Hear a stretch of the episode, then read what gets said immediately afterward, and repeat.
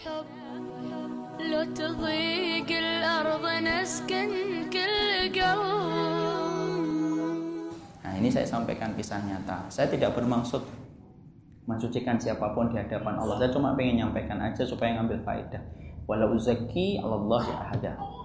Bapak dan Ibu Ana ini termasuk orang yang mendapatkan putra dan putri itu yang ketiga, Pak. Yang ketiga.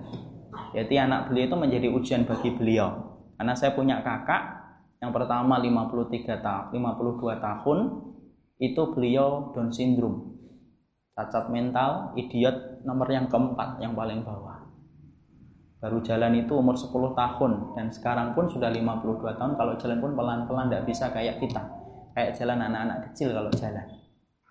Kakak saya yang perempuan, Qadarullah lahir yang kedua, beda itu yaitu 43 tahun. Itu pun sama, Down syndrome, tingkat idiot nomor empatnya, nomor yang paling bawah.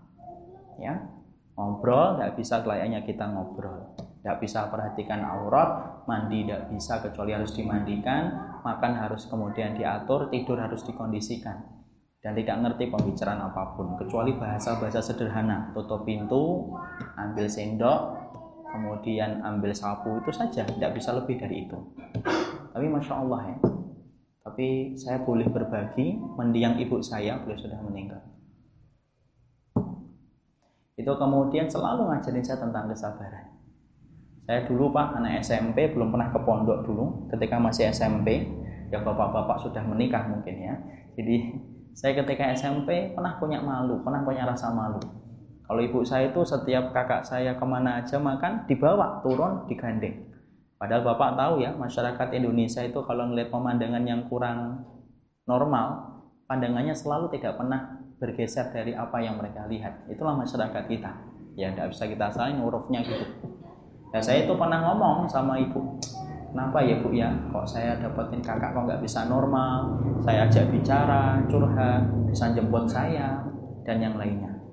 Tapi masya Allah ada kata-kata emas yang pernah dikatakan oleh ibu saya dan saya ingat sampai hari ini ibu saya berkata begini nak belum tentu yang taubat itu nasuha belum tentu yang istighfar itu khusyuk dari hati mereka. Artinya, kalau taubatmu itu tidak nasuha, istighfarmu itu tidak khusyuk, tidak akan pernah menghapuskan dosa.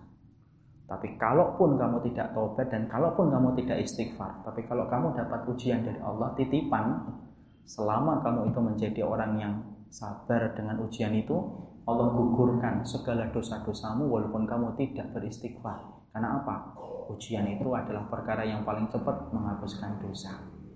Insya Allah saya ingat betul kata-kata itu. Dan saya kemudian diingetin lagi. Saya ibu itu tidak tahu ya nak. Tapi ibu yakin ya, kakakmu ini akan menjadi penghuni surga. Kenapa? Allah itu kalau narik ngambil sesuatu pasti Allah ganti. Kakakmu lagi ini harusnya mendapatkan kehidupannya normal di luar jalan, kenal perempuan, menikah, punya anak. Tapi Allah tidak berikan itu dan pasti akan diganti oleh Allah secara sempurna nanti di akhirat. Sama dengan kakakmu yang perempuan, dia harusnya pergi, dia bisa belanja, masak, punya rumah, punya anak, tapi Allah cabut itu. Dan Allah kalau sudah mencabut sesuatu pasti Allah kembalikan dengan bentuk yang lebih besar. Nangis pak saya itu, enak SMP nangis. Dan bapak tahu setelah saya ke pondok, tiga bulan saya itu baru kemudian membaca kitab, tidak ada perkara yang saya cari tahu pertama kali tentang apa. Pertama kali yang saya cari tahu ketika bisa membaca kitab, saya ambil kitab-kitab akidah. Saya cari akidah sunnah ketika bicara tentang hisab.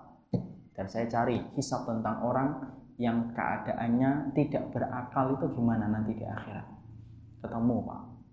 Diterangkan di dalam kitab akidah, anak-anak yang dilahirkan dalam keadaan tidak normal, tidak berakal, dia tidak dihisap atas sholat, dia tidak dihisap atas puasa, dia tidak dihisap atas sedekah. Tapi mereka cuma dihisap dengan hisab yasirah, hisab yang ringan. Dan sebagian ahli tafsir mengatakan hisabnya apa? Dia akan ditanya, Ata'rifuna? Kalian kenal kami? Yaitu Allah yang berkata itu. Kalau kemudian mereka mengatakan, ya, arafnaka, kami kenal engkau ya Allah. Maka langsung Allah masukkan mereka ke dalam surga, mengganti kesusahan yang mereka rasakan dulu ketika di dunia. Di Masya Allah saya tidak tahu Pak, mungkin ada di antara yang anaknya itu menjadi ujian. tiba-tiba anaknya sakit baru satu tahun dua tahun ada yang autis. Kayak murid saya di Pamulang autis. Sampai 12 tahun sampai meninggal. Tidur meninggal. Semuanya itu Allah setiap Allah ngambil sesuatu dari kita pasti Allah ganti. Dan mereka adalah penghuni surga makanya masya Allah bayangkan mereka itu sebenarnya enak pak. Kalau saya kadang-kadang bayangkan enak. Hidupnya sebentar tapi kemudian balasannya kekal nanti di akhirat.